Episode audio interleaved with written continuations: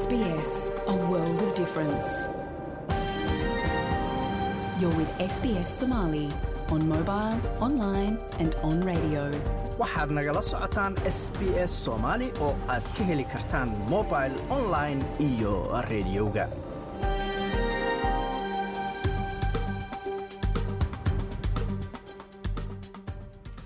habeen wanaagsan dhammaantiinma meel kastoo aad joogtaan. Waa habeen jimcaha bisha sebteembarna ay tahay labaatan iyo saddex sanadka labada kun iyo labaiyo labaatanka halkaad naga dhegaysanaysaanna waa laantaaf soomaaliga ee idaacadda s b s oo si toosa idinkaga imanaysa. Stuudiogaannu ku leenahay magaalada melbourne. Magacayguna waa xasan jaamac waxyaalaha aad caawa idaacadda ku maqli doontaanna waxaa ka mid ah. Qofkii america dembi gala qowmiyad looma saariyo. Qof walba dembiga ogolaa isagaa lagu qaadaa balse soomaalidu waxay dareemaysaa runtii ceeb bay dareemaysaa waxay leeyihiin waa ceebownay arrintaas ceeb bay nagu tahay. Marka in dad soomaaliya intaa tiro leeg ay waxadaan.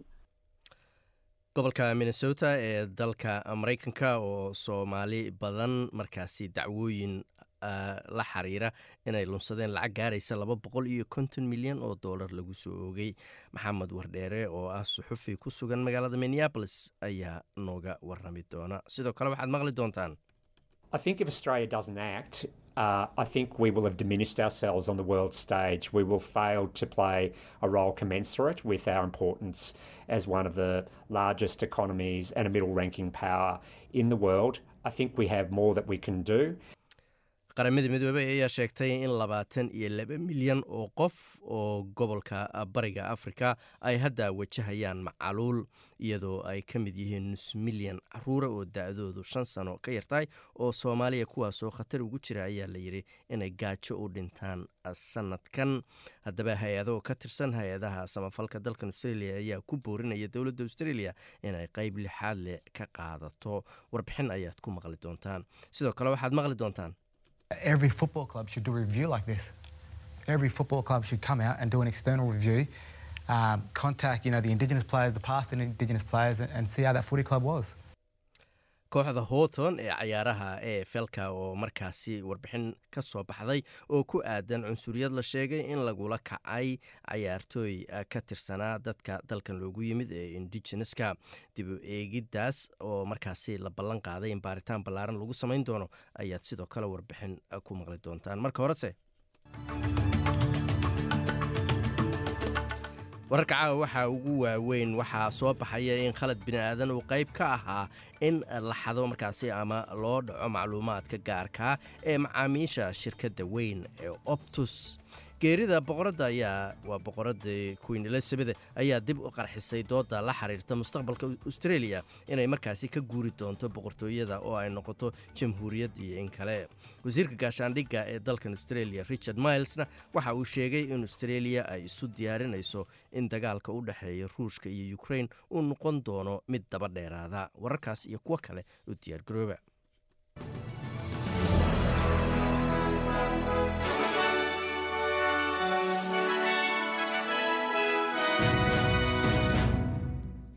marka horese aanu ku bilowna digniino markaasi daadad laga baqayo inay ka dhacaan koonfurta queensland iyo waqooyiga gobolka new south wales iyadoo la sheegay in markaasi roobab dabaylo wata ay soo marayaan ama ka jiraan gobolka gold coast la yidhaahdo iyadoo digniino laga soo saaray in soddon webi biyo xireenadoodu markaasi ay fatahaan.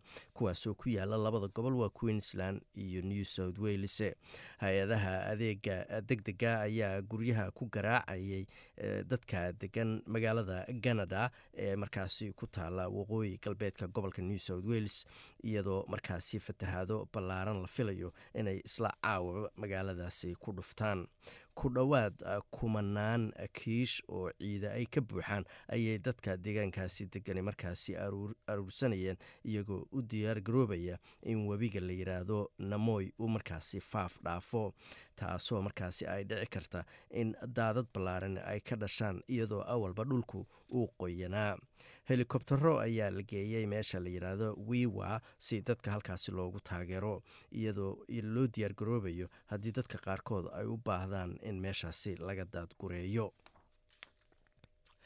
waxaa soo baxaya in qalad bini aadan uu qeyb ka ahaa in markaasi loo dhaco kombyuutarada shirkadda weyn ee optus taasoo saamaysay baa la yili malaayiin qof oo australiyaana.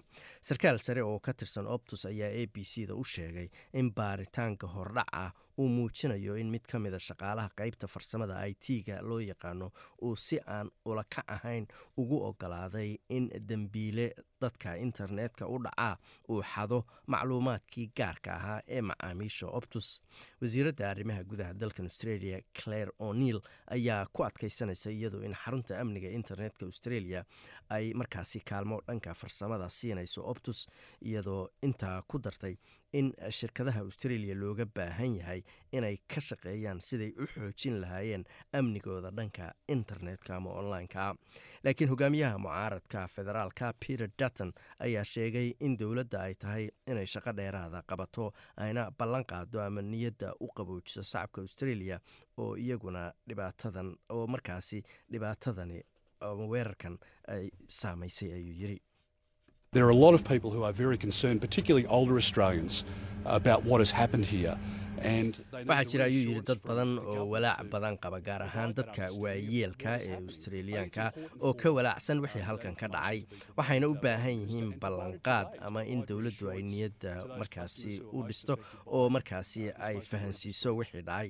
Waxay ila tahay ayuu yidhi inay lagama maarmaan tahay in macluumaadkaas ay wasiiraddu bixiso. Maanta ayna ballanqaad siiso macaamiishaas uu saameeyey ayuu yidhi xadgudubkan ba'an. Halkaad weli nagala socotaan waa laanta af soomaaliga ee idaacadda s b s geerida boqoradda ayaa dib u qarxisay baa layidhi dooda la xiriirta mustaqbalka australia inay noqoto dal jamhuuriyada ama republic ah oo markaasi ka madax bannaan boqortooyada dalka ingiriiska.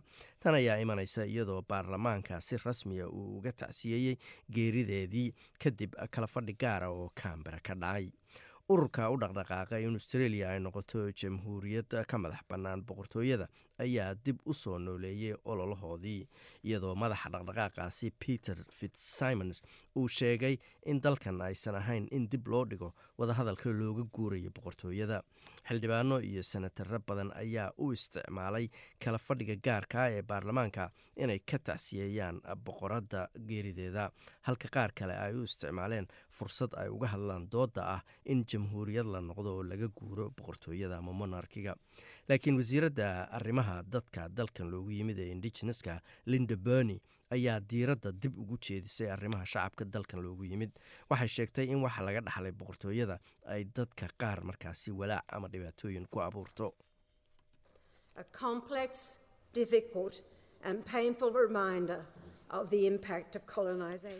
Waa xasuus adag oo xanuun badan ayay tiri oo na xasuusinaysa saameyntii gumaysiga.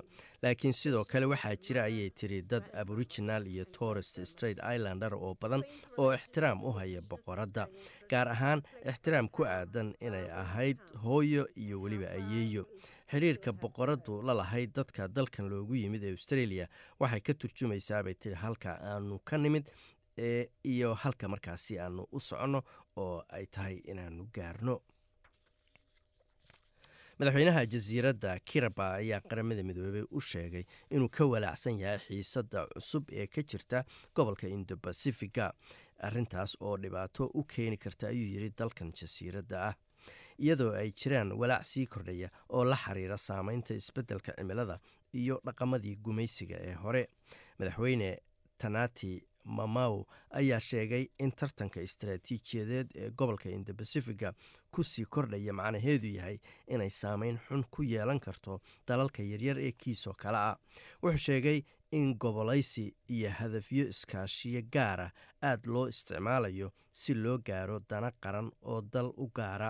Halka danaha guud laga wada shaqayn lahaa ayuu yidhi madaxweynaha ayaa sidoo kale sheegay in macdanta laga qodo jasiiradda banaba ay tusaale u tahay in kiraba ay ku dhacdo ama markaasi iyadoo ay qaadato dhaawaca dhanka bii-adda ee ka dhasha macdan qodidaasi Our developmental agenda are grounded on our culture, traditional values, and norms, ajendayaasheenna horumarku waa kuwo ku salaysan buu yidhi dhaqankeenna qiyamkeenna soo jireenkaa iyo caadooyinkeenna iyo weliba himilooyinkeenna dadkeenna danta u ah.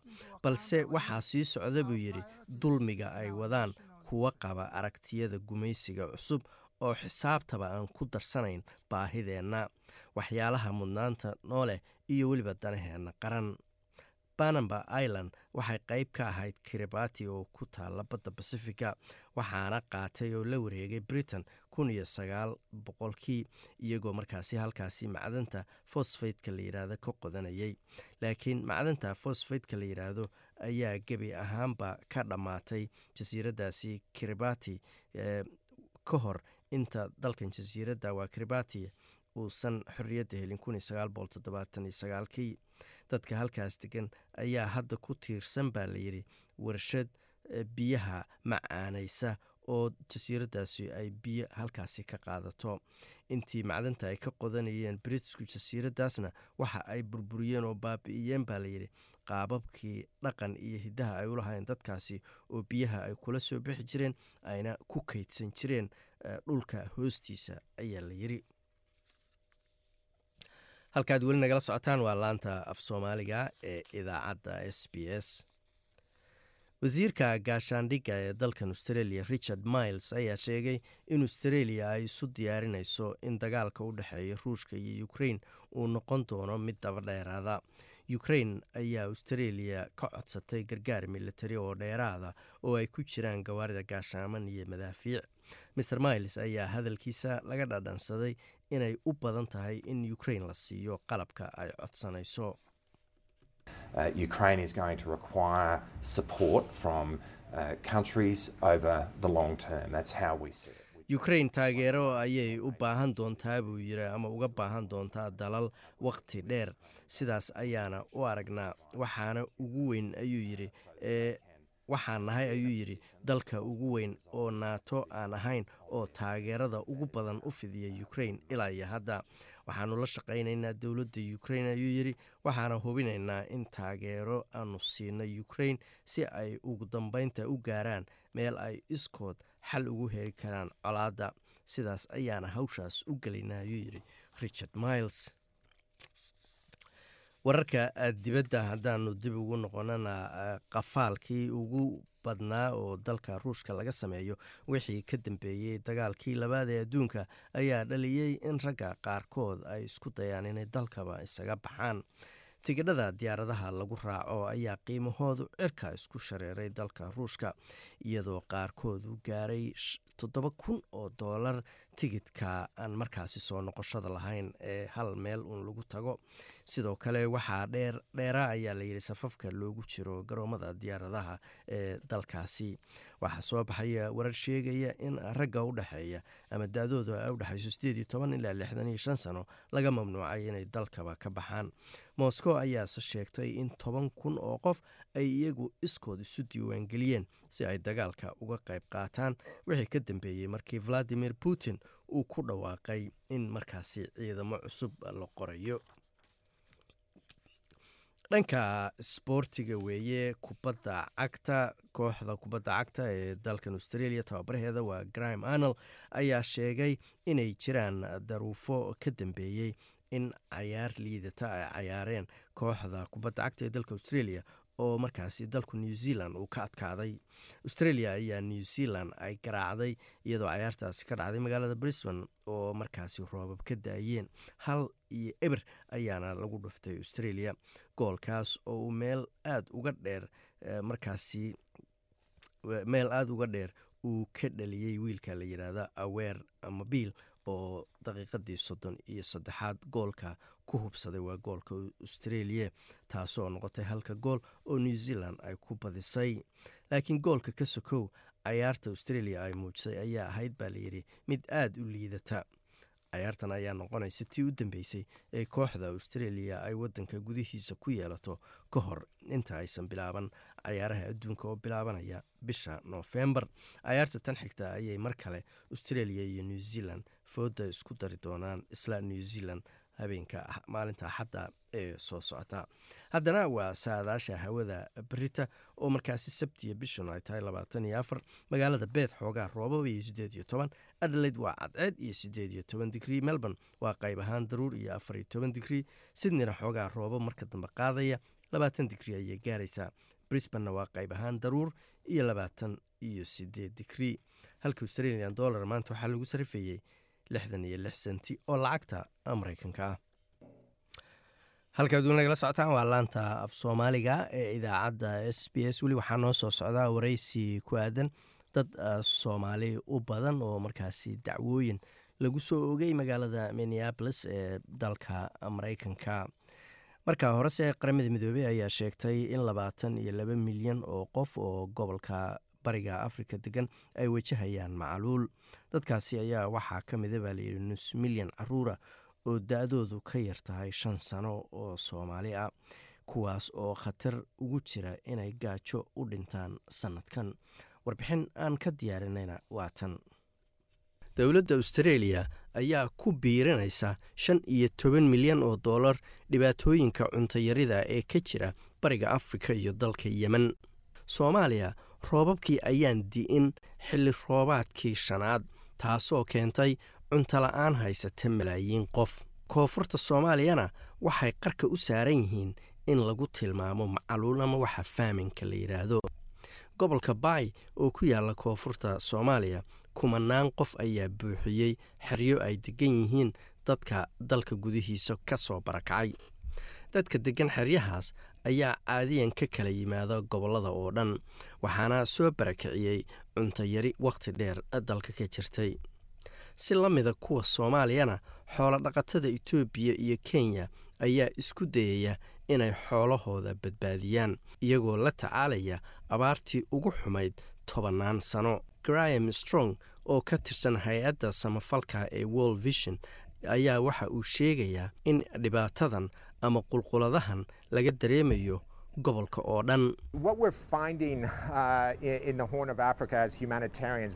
Haddaan nahay dadka ka shaqeeya howlaha bini'aadanimada waxaannu aragno waa in cuntadii ay ka wareejinayaan dadka gaajaysan oo aannu siinayno kuwa macaluushu ay wajahday. Waxaana keenay isbeddelka cimilada covid colaad iyo dagaalka ka socda ukrain waxaan la hadalnay dadka goobahaas ku sugan. waxaana ogaanay in dhammaan xarumaheenna ay qaadanayaan go'aamo adadag oo ah inay kala dooranayaan cidda ay cuntada siinayaan iyo hadba goobta ugu baahida badan. Qaramada midoobey ayaa sheegtay in laba iyo labaatan milyan oo qof oo gobolka ay hadda wajahayaan macaluul oo nus milyan caruura oo da-doodu ka yar tahay shan sano ay soomaaliya khatar ugu jiraan inay gaajo u dhintaan sannadkan. Karen smoller waa xubin wax ka aasaastay xarunta shamba oo cuntada iyo cimilada ka shaqaysa. Waxay sheegtay in xaaladda bariga afrika ay joogto heer aan muddo dheer la arag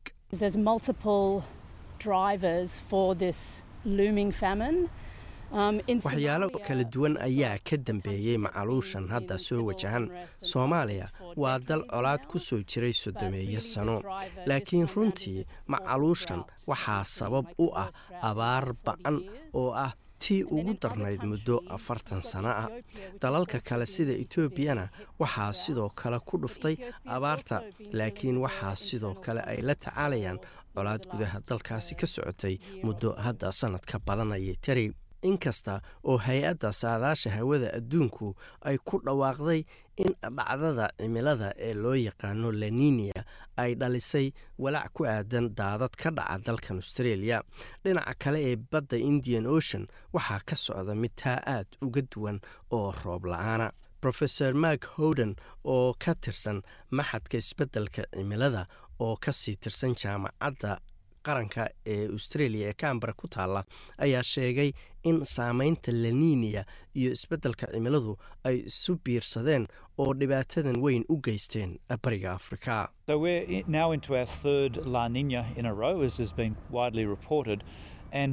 Waxaannu hadda ku jirnaa dhacdada cimilada ee laniiniya la yidhaahdo tii saddexaad oo isxigay sida la baahiyey ama la wariyey halka roobku uu ku batay austreeliya wuxuu roobku ku yaraaday bariga afrika.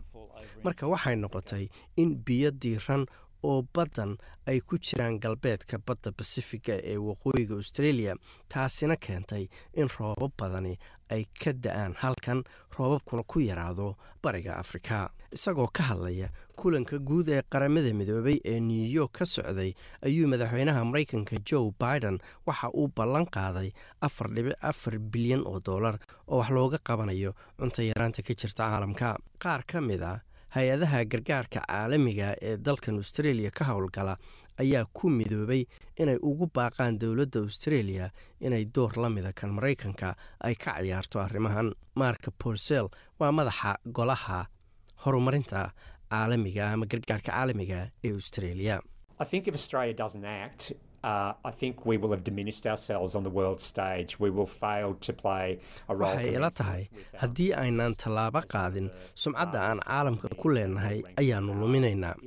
Haddii aan ku guuldarraysanno inaannu qaadanno doorka noo qalma annagoo ah ama ka mida waddamada ugu dhaqaalaha badan adduunka kana mida dalalka awoodaha dhexe ee adduunka. Waxay ila tahay inaan qayb weyn ka qaadan karno wax ka qabashada dhibaatooyinka waaweyn oo ay ka mid yihiin isbeddelka cimilada ka hortagga gaajada iyo macaluusha in la dhiso adduun nabada oo xasiloon hadda ayaana la joogaayuu yidhi wakhtigii dowladda albanisi ay tallaabo qaadi lahayd. Qoraal u gaara s b s news oo ay ka heshay wasiirka gargaarka caalamiga pat conroy ayaa waxaa lagu sheegay in dowladdu ay aad uga walacsan tahay heerka cunto yaraanta caalamiga ee sii kordhaysa. Wuxuu sheegay in dowladdu shan iyo toban milyan oo gargaar deg deg ah ay ugu deeqayso cuntayarida ka jirta bariga afrika iyo yemen laakiin karen smoller oo ka tirsan shamba center for food and climate ayaa sheegtay in xal joogto ah loo baahan yahay si looga hortago dhacdooyinka mustaqbalka oo isu bedeli kara macaluul buuxda ama baahsan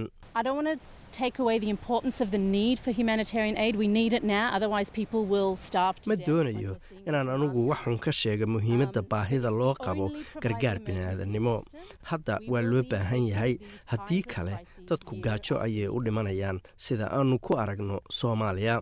Laakiin haddii gargaar deg dega oo keliya aanu bixinno dhibaatooyinka noocan oo kalea way soo noqnoqonayaan. Sanadba sanadka ka dambeeya ayay tiri halkaad warbixintaas ka dhegeysaneyseen waa laanta af soomaaliga ee idaacadda s b s. Weli waxaa noo soo socda war uu soo diray wariyahayaga magaalada muqdisho. Marka horese kooxda houghton oo ka mid ah kooxaha a f lka ee ka cayaara dalkan australia kubadda a f lka la yiraahdo ayaa warbixin soo baxday. Waxaa lagu sheegay in dhalinyaro ama cayaartooy u cayaari jirtay oo ka soo jeeda dadka dalkan loogu yimid si xun loola dhaqmay haddaba dib u eegiddaas ayaa la sheegay in baaritaan dheeraada ay a f lta laftigeedu ku samayn doonto warbixin gaaban oo aan ka diyaarin arrintaasna waatan a f lka ayay gebagabo u maraysaa inay soo xulaan guddi madax bannaan oo dib u eegid ku sameeya eeda waaweyn oo loo jeediyey kooxda kubadda a f lka ee howthon cayaartooy hore edi bets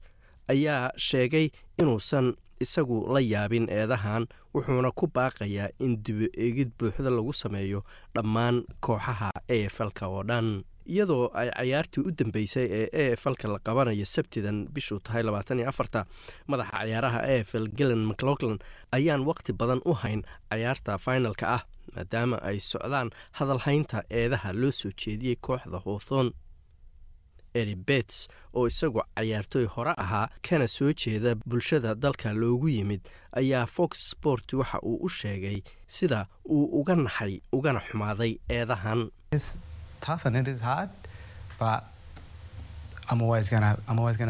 waa arrin adag. Runtii waa wax adag. laakiin mar walba waxaan aaminsanahay ciyaartooyda iyo walaalahay. marka waad aaminsan tahay dhammaan eedahan la soo jeediyey inay sax yihiin ayaa la weydiiyey ninkan. Wuxuuna ku jawaabay mar walba way dhacayeen waana la soo kornay dhibaatooyinkan. Mana aha a f lka oo keliye waa wax ka jira dhammaan bulshada oo dhan ayuu yidhi dib u eegid kooxda houghton ay ku samaysay sidii loola dhaqmay cayaartooyda ka soo jeeda bulshada dalka loogu yimid ayaa la sheegay in lagu ogaaday arrimo badan oo ay ka mid yihiin eeda ah in cayaartooy qoyskoodii ama xaaskoodii laga gooyey si ay diiradda u saaraan cayaarta oo keliya. Waxaa eedahan ku lug leh tababarihii wakhtigaas ee kooxda houghton alester clarkson wuxuu sheegay inuu aad uga naxay eedahan. Dadka warbixintan qorayse aysan isaga la soo xiriirin oo wax su'aala weydiin. Chris fagan oo hadda ah isaguna tababaraha kooxda brisban ayaa sidoo kale warbixinta lagu xusay wuxuuna si buuxda u dafiray eedaha loo soo jeediyey isagoo sheegay inuu aad uga naxay eedahan qalbijabna ay ku tahay madaxa a f l gillan mclaughlin ayaa la hadlay bets iyo cayaartay kale oo ka soo jeeda bulshada dalka loogu yimid kadib markii arrintani ay soo baxday waxay la tahay inay dhibaato weyn wajahayaan ayna ka murugaysan yihiin ayuu yidhi. Inkasta oo hadda koox kastaa leeyihiin xiriiriye u dhashay bulshada dalka loogu yimid haddana waxaa jira baaqyo lagu doonayo in arrimahan waxyaalo dheeraada laga qabto. Madaxa a f l ayaa sheegay in naadiyada cayaaraha a f lku ay ka shaqaynayaan in matalaad dheeraada oo heer guddiga sare ee maamulo kooxda ay ku yeeshaan bulshada indigenesku bets oo laftiisu ka soo jeeda bulshada dalka loogu yimid ayaa doonaya in dibu eegid dheeraada lagu sameeyo dhammaan kooxaha a f lka ee hal koox oo keliya aan diiradda la saarin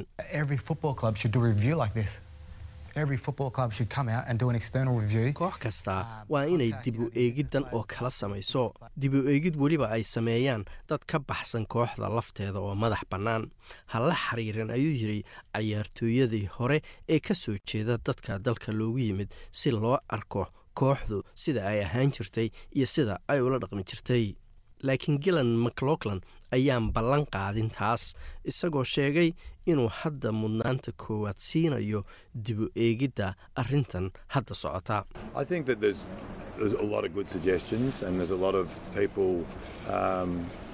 Waxay ila tahay inay jiraan talooyin fiican iyo dad badan oo qabo aragtiyo ay tahay in la dhagaysto mudnaanteennase koowaad hadda waxaan siinaynaa sidaannu u dhammaystiri lahayn tixraaca ama sida ay u shaqaynayaan guddiga madaxa bannaan ee aannu ku dhawaaqnay. Una bilowno sidaannu uga gungaari lahayn eedahan aadka u waaweyn.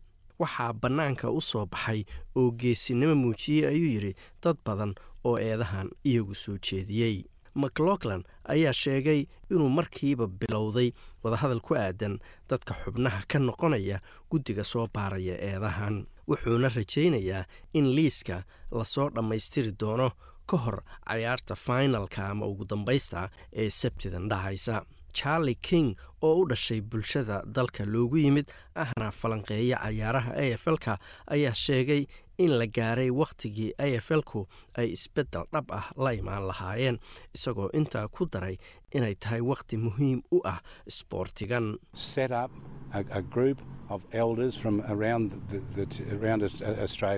ha la abuuro koox duqey ah ayuu yidhi oo dalka oo dhan ka kala yimid. Intay rabaanba ha noqdeen tira ahaane hana dhegaysteen buu yidhi waxa talooyinku ay noqonayaan. Halkaad warbixintaas kala socoteen waa laantaaf soomaaliga ee idaacadda s b s. Wararkii soomaaliya ayaa noo soo socdaa marka horese dalka maraykanka gaar ahaan gobolka minnesota oo ay soomaalidu ku badan tahay.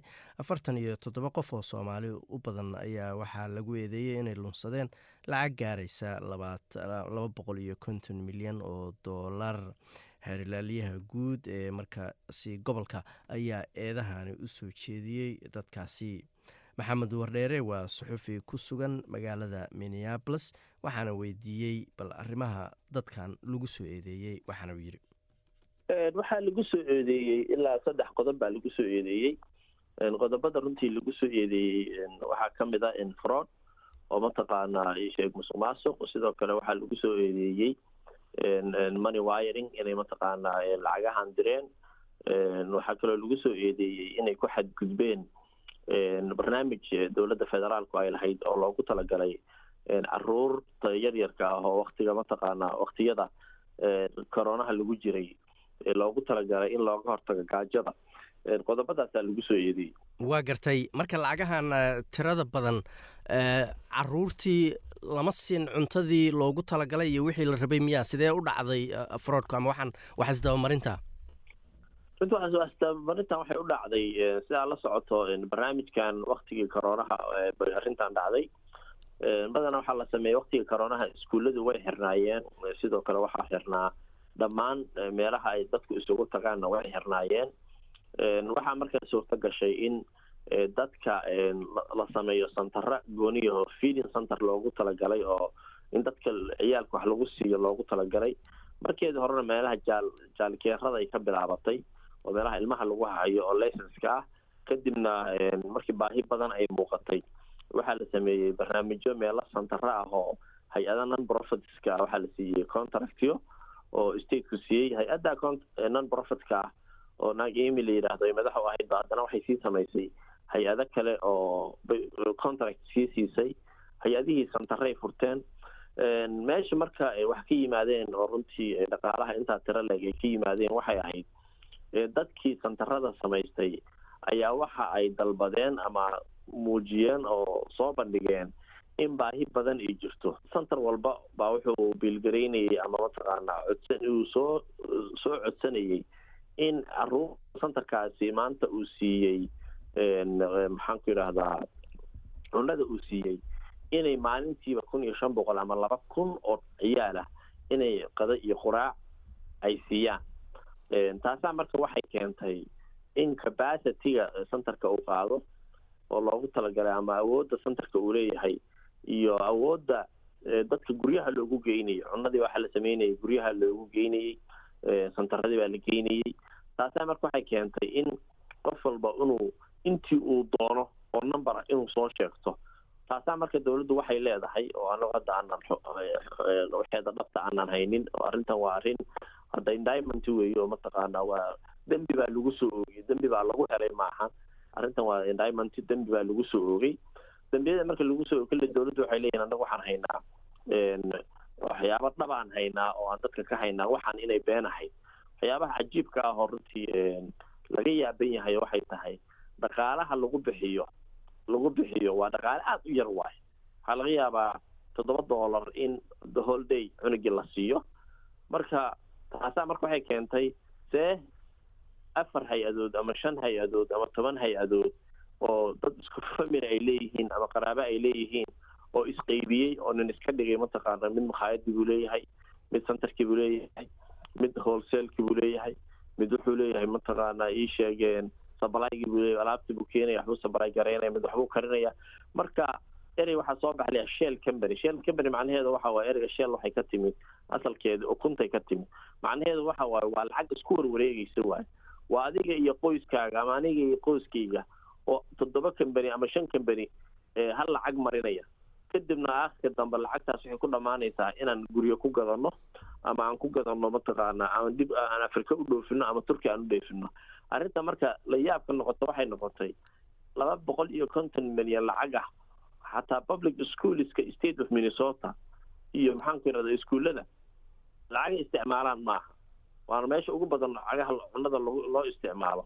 Marka taasaa waxay keentay suspicious iyo in laga yaabay keentay. Waxaan rabaa keliya inaan dadka xasuusiyo. Waxaa jirtay state of minnesota waxaa ka dhacday wasaaradda waxbarashada iyo wasaaradda maxaan ku beeraha. Labadaas qaybood baa mataqaanaa dowladda federaalka lacagtan ka codsanayay.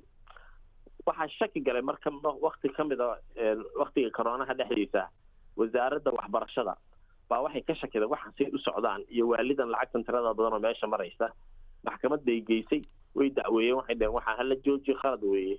Kadib hay'adihii ka dambeeyey arrintan baa maxkamad la fuulay. Hay'addii waxay yidhaahdeen dad dad minority ah oo corona ku dhacay oo gaajaysan baa mataqaanaa dhib loo geystay oo cunadii laga joojiyey. Judge baa go'aan wuxuu ku gaaray in cunada la sii daayo. Dadkaana ay saxan yihiin.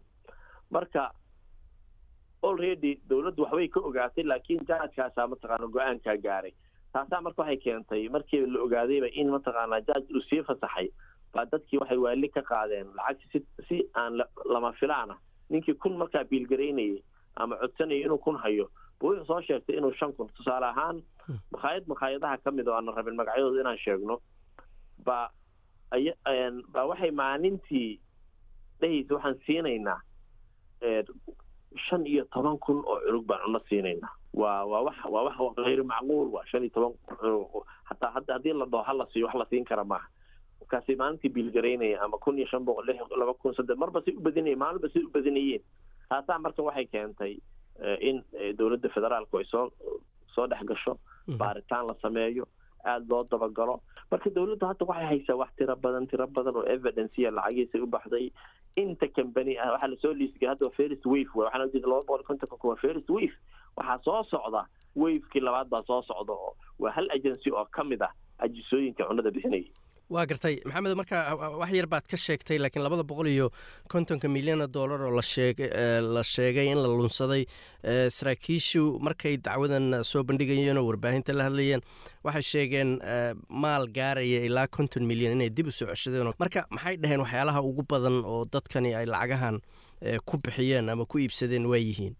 Xagee bay ku bixiyeen dadkan la leeyahay lacagaha way dhaceen waxay ku iibsadeen dholol bay ku iibsadeen maraykanka dhexdiisa guryay ku iibsadeen baabuur bay ku iibsadeen dahab bay ku iibsadeen wax badan oo aada u tiro badan dowladdu xataa farnajaray raratay macnaha soofa maxaan kuraasta lagu fadhiiso guryaha xataa rag baa rag baa kabaha xataa laga siibtay qabeen qaaligooda dartiis saacadaa lagu iibsaday wax walba oo lagu raaxaysto luxury ah oo mataqaanaa maraykanka lagu samaynayo bay ku samaysteen akownay akownay fariis garaysteen lacagaha ugu badan hadda dowladdu ay haysato properties iyo cash akowno ay fariisgareeyeen bay ka heleen. Waa garta marka dadkan hadda afartan iyo toddobada qofa ma ma u wada xiran yihiin ma qaar baa damaanad banaanka ku jooga qaar miyaa maqan waa sidee ma sheegta dowladdu? Maya arrintan waa hadda cidna ma xirna dad xiran ma jiraan waxaa la sameeyey indimanty wey indimantygu macnaheeda waxa waaye waa ku soo oogid waayo weli lama gaarin in la soo xiro. Keliya laba qof baa la xiray sida aan warka ku hayno labada qof oo la xiray waxay tahay numberkan afartan iyo toddobada waa reportkii maxaan ku yidhahda attorney generaalka state of minnesota uu soo gudbiyey. Maalintu ku dhawaaqay maalinta ku xigtay gabar ayadana maxaan ku yidhahda ethoobiyaana oo tiamka maxaan ku yidhahda businesskan ku jirtayba ayadana ticket one way ah oo ay ku aadaysay addis ababa. Iyadana airportka state of minnesota twin cities minneapolis st. Paul international airport ayaa lagu soo qabtay. Dadku marka numberka hadda la hayo waa afartan iyo sideed ma aha afartan iyo toddoba waa afartan iyo sideed gabadhaa marka waxaa loo soo xiray inay fakanaysaa loo soo qabtay loona xiray. Waxaa kaloo jira wiil ka mid a maxaan ku yidhahdaa dadkii dhaqaalahan ay ku baxeen oo dambi dembiga loo haysto. Inuu asaguna inta gurigiisa loogu tegay guri lahaana uu gatayna laga qaatay. In basaboorkii laga qaaday oo ay ka qaada ay ka qaaday dowladdu ka qaaday. Kadibna la yidhi ma bixi karti waddanka kadibna forgery sameeyey oo inta dib dowladda ugu noqday buu wuxuu yidhi basaboorkii baa iga dhumay. Basaboorkii baa iga basaboor cusub baa la soo siiyey. Dowladdu runtii dowlad ballaaran wey dowlad si fudud isugu ogaan karta maahan laakiin markii basaboorkii loo ishugareeyey asna airboortka laga soo qabtay. Ninkaa marka waxaa u dheer in waxaan dhaca dhaqaalahan la dhacay waxaa u dheer inuu forgery sameeyey oo already waxaaba lagu xukumayba waa la xukumayba oo number badan oo soddon sano ku dhowaa filaya in lagu xukumay. Ninkaasi marka labada qof baa hadda wax xiran oo xabsi ku jira jira. Laakiin dadka kale indimantigaas soo oogid weye maxkamad looga yeeri doonaa. Waa garta maxamedow dabcan maraykanku waa dal dimuqraadiyahoo qofkii dembiga gala ama loo haysto unbaa lala tacaalaa. Laakiin inkastoo magaca xataa soomaalida markii saraakiisha ammaanka ama wasaaradda cadaaladdu ay arrintan ka hadlayeen aysan magaca bulshada afka ku dhufan. Bulshada soomaalida meesha degan oo dadka intooda badan ay ka soo jeedaan sidee u arkaan arrintan? Runtii or dadka dadka horta ma dadka caamka ah oo waxaa la dhaha mainstreamka dadka maraykanka oo caadiga ah iyo dadka soomaalidu way ku kala aragti duwan yihiin. Mainstreamku waa wax mar walba ka dhaca waxaan. Hadda sida la socoto donald trump sidoo kale laba boqol iyo konton milyan baa lagu soo gareeyey new york. Attorney generaalka new york inuu inuu dhacay dowladda ka dhacay taxigeeda baa madaxweynihii dalka hadda la suugaraynaya marka waddanka waa wax caadiya weeye in dad dembi loo qabsado. Dadka maalin walba lacagaa la dhacaa maalin walba waa la qabtaa maalin walba waxbaa la xiraa kuwa daraag lagu qabtaa. Arrintaas marka maraykanka caadi bay ka tahay oo dembiyada la galo qeyb ka mida weeye dadka soomaalida ahi dad jecel weye magacooda iyo sumcaddooda iyo sharaftooda inay aada u ilaashadaan waa dad runtii marka dembiyada america loo fiirso dadka dadka ugu dembiyada yar weeye.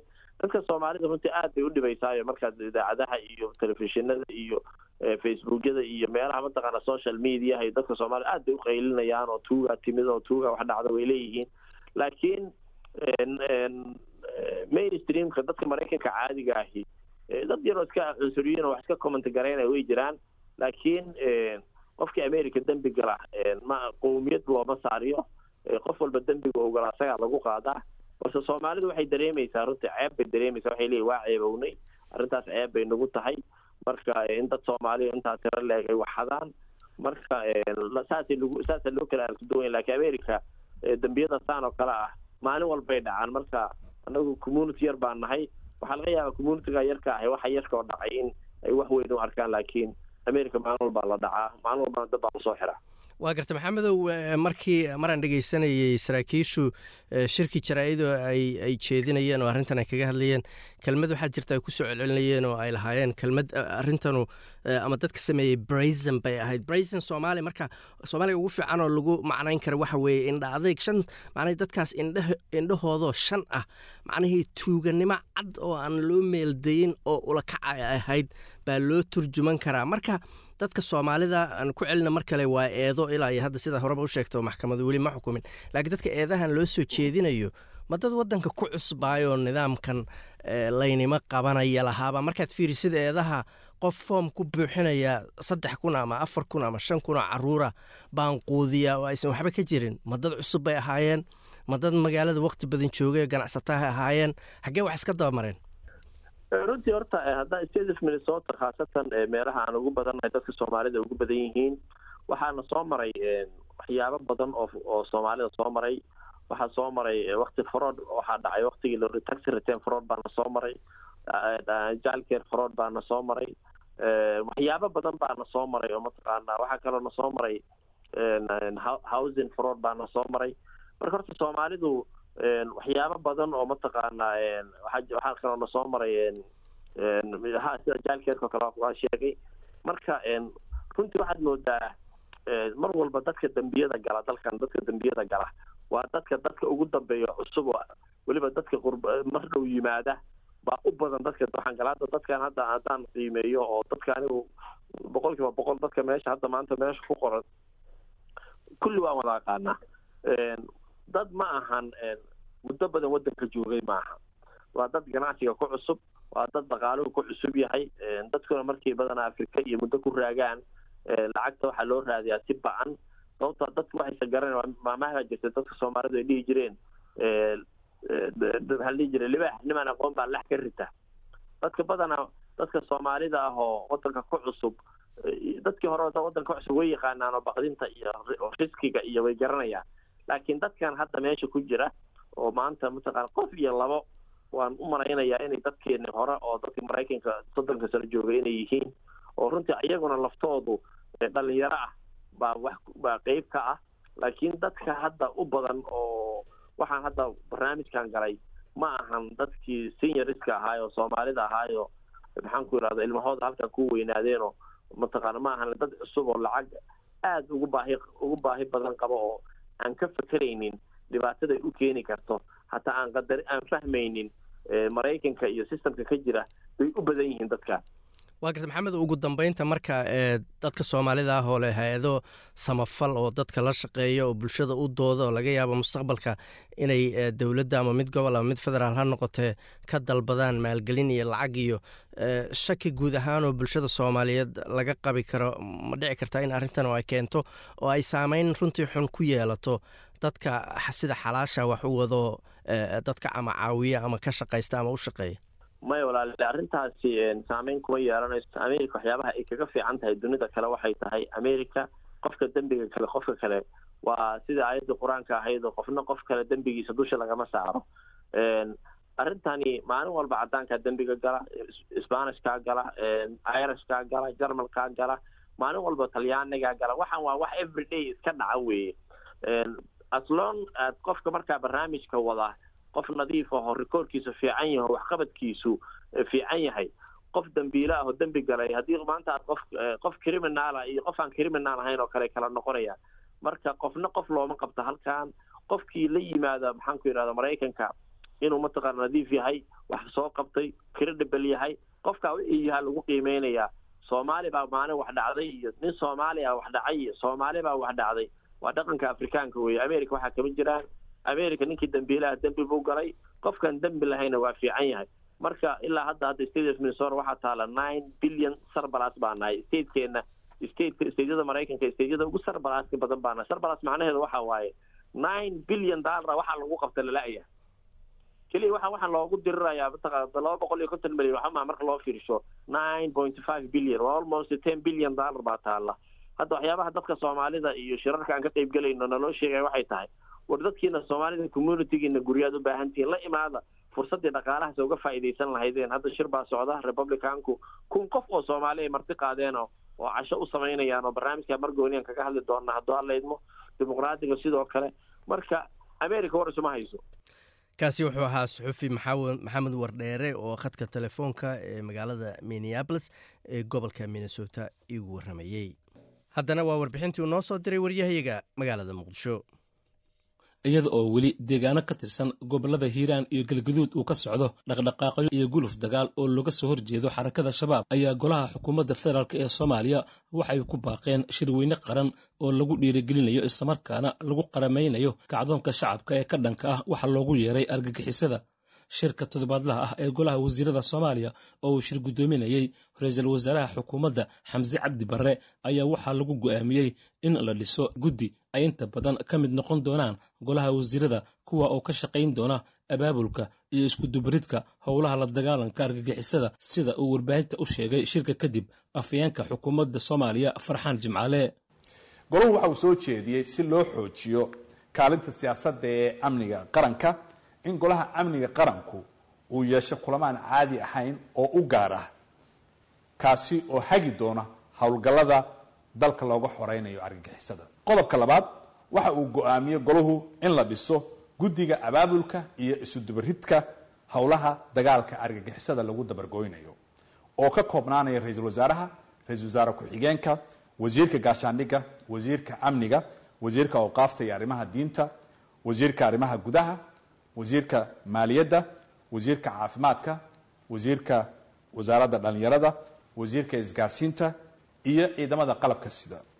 Iyo ciddii kale ee ra'iisul wasaaruhu u garto in aan looga maarmin hawshan. Qodobka saddexaad golahu waxa uu go'aamiyey in barnaamijka la dagaalanka fikirka xagjirka ah ee rabshadaha wata loo bedelo hay'adda qaran ee la dagaalanka fikirka xagjirka ee rabshadaha wata. Afar waxa uu go'aamiyey golahu qabashada shir qaran oo looga arinsanayo fidinta dhiirigelinta iyo qaramaynta kacdoonka bulshada ee ka dhanka ah argagixisada oo garwadeen ay ka noqonayso wasaaradda arrimaha gudaha iyo dib u heshisiinta qabashada shirweyne qaran oo lagu dhiirigelinayo kacdoonka shacabka iyo in la hirgeliyo sharciga ka hortagga iyo la dagaalanka maalgelinta argagixisada ayaa sidoo kale laga soo saaray shirka sida afayeenka mar kale uu sheegay qodobka afraad golahu waxa uu go'aamiyey in la qabto shirweyne qaran oo looga arinsanayo fidinta dhiirigelinta iyo qaramaynta kacdoonka bulshada ee ka dhanka ah argagixisada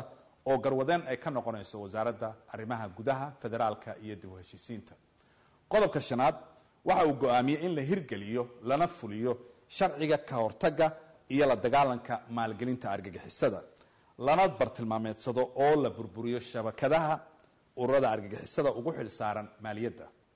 Islamarkaana la sameeyo liiska xayiraadaha iyo cunaqabataynta lana dhaqangeliyo. Qodobka lixaad golahu waxa uu go'aamiyey ansixinta istaraatiijiyadda guusha ee dabargoynta argagixisada oo maanta la soo bandhigay si loo mideeyo cududa shacabka soomaaliyeed dal iyo dibadba dowladda federaalka dowlad goboleedyada iyo weliba saaxiibada soomaaliya. Qodobka ugu dambeeya ee toddobaad waxaa golahu uu go'aamiyey in wasaaradaha soo socda si deg deg ay u gutaan waajibaad kaga aadan dagaalka lagu xoreynayo waddanka. Waxaana ay kale yihiin wasaaradda arrimaha gudaha wasaaradda gaashaandhigga wasaaradda amniga gudaha wasaaradda awqaafta iyo arrimaha diinta wasaaradda caafimaadka wasaaradda korontada iyo biyaha wasaaradda haweenka iyo xuquuqul insaanka wasaaradda arrimaha dibadda wasaaradda maaliyadda wasaaradda warfaafinta wasaaradda boostada iyo isgaarsiinta wasaaradda dhallinyarada iyo isboortiga iyo wasaaradda gaadiidka iyo duulista hawada. Dagaaladan iyo abaabulkan ka socda gobollada hiiraan iyo galgaduud ee looga soo horjeedo ciidanka shabaab ayaa waxaa udubdhexaad u ah maleeshiyo habbeeleed u abaabulan oo dhiirigelin ka helaya ciidanka dowladda soomaaliya. Munaasabad lagu dhiirigelinayey in kacdoonkaasi la mid ah uu ka bilowdo gobolka shabeellaha dhexe oo degmooyin ka mid ah ay ururka al-shabaab maamulaan ayaa lagu qabtay magaalada muqdisho kulankan oo ay soo agaasimeen siyaasiyiinta iyo waxgarad mid ka mid ah beelaha dega gobolkaasi shabeellaha dhexe ayaa waxaa lagu taageeray dagaalka looga soo horjeedo xarakada shabaab ee iminka socda waxaana ka soo qaybgalay madaxweynaha hirshabeelle guddoomiyaha gobolka banaadir ahna duqa muqdisho xildhibaano saraakiil haween iyo odayaasha dhaqanka waxgaradkii iyo siyaasiyiinta halkaasi ka hadashay ayaa waxay isku dhiirigeliyeen in beeshaasi ay ka qayb gasho dagaalka lagu xuraynayo gobolka shabeellaha dhexe. Waa la hubaa iskudadaan nahay xoogaa ilduufaha idin galeen baandheeskow ka hor imaada dadka. Waana kandhaha gacnahana kor u taaga. Mugaad kor u taagtay idinku soo afnaqda waxaan leenahay dadka bannaanka loo bixi jiray ku jiraane. Annakaa si walyeelid waa loo jawaabi doonaahe. Idinkuna basaad u dhalateen naqdha deegaankan dadaan u dhalan oo shisheeye ah oo dad kale soo diray inuu mu kale ka caysho ha suginina waxaa dhaantay inaan wada inaan dhimanaa dhaanto dhimashadu waxa waaye furcadda waaye dadku waa dhimanayaan laakiin qayaamo waana la weydiiha annagoo xooggaan leh oo dadkaan leh ee muruqaan leh in waxaasoo kale intaan soo kor rogsadaan gooftayn dhex rogo oo idhaa lacagkeen canshuurkeen waxakeen anigu anoo ku hadlaaya magaca saraakiisha meesha fadhiya waxaan ballan qaadaynaa inaan kaalinta nooga aadan inaan qaadanno dadkana aan hor kacno. Guddoomiyihii hore ee degmada wadajir axmed daaci ayaa goobta waxa uu ka sheegay inaysan suurtagal ahayn in siddeetan boqolkiiba masiirka dalka ay beeshaasi heshay haddana aanay ka qaybgelin dagaalka iminka socda.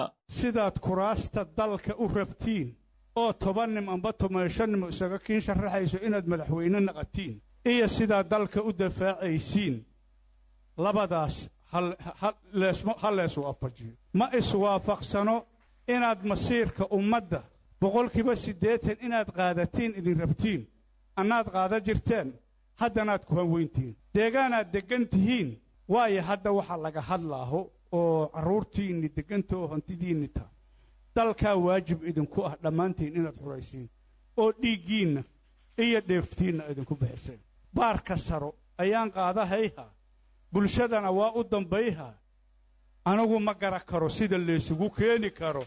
Igaartaanyo huri maayaan dhima maayaan war igaartu waa dhimme. Ee igaartu ma qaraxay ku dhimmee mase iyagoo dalka xurayhahay ku dhimme? Igaartu waa dhimmee war wallaahi inaadinkaan saas ku joogayn amba huteel kireesta amba turgi ku soo nasta. Amba ismiririxsha sidaas nolol lagu arki maayo sharafna lagu arki maayo ugu dambayntii guddoomiyaha gobolka banaadir ahna duqa muqdisho yuusuf xuseen jimcaale madaale ayaa munaasabadda ku soo xiray kelmaddan hiirshabeelle jowhar magaalada jowhar lacag afartan milyan ah oo doolar oo horumarin lagu samay lahaay ayaa laga celiyey nabaddarro awgeed iyo in waddadeeda la mari waaye. Waa ogsoontihiin maanta hiirshabeelle caasimadeeda waa jowhar waa tuulo markaa aragta tuulaad u qabtaa ee magaaluu ma qabtid maxaa u sababa? In la tegi waayo adii wax bixi jiran ay tegi waayeen. Suuragal maahan marka inaan ku noolnana waa kanaa wasiir caadla meesha fadhiyo. Kulli odayaashada khiyaartooyda wada halkaan wada joogo. Suuragal maaha. Ciyaal yaryaroon annaga dhannoo shan iyo toban sano nugu kor barbaareen nugu kor koreen. Inaan maanta deegaanadayna aan ka noolay weyno oon deegaanadayna laga tegi waayo caqli maaha. Maalintaasna aan noqonno dad dhaqaaqa aan noqonno haddaan dhaqaaqno soo naqamayna waa ognahay. Laakiin dhaqaaqaynaa wakhti qaadanaayo. Waana hubaa maanta waa maalmo. Arbaca soo khamiis miya? Khamiis waay bishuna waa labaatan labaan u malaynayaa sanadka intuusan dhammaan disembar laba kun iyo labaatan iyo labada deegaanadayna waa xur.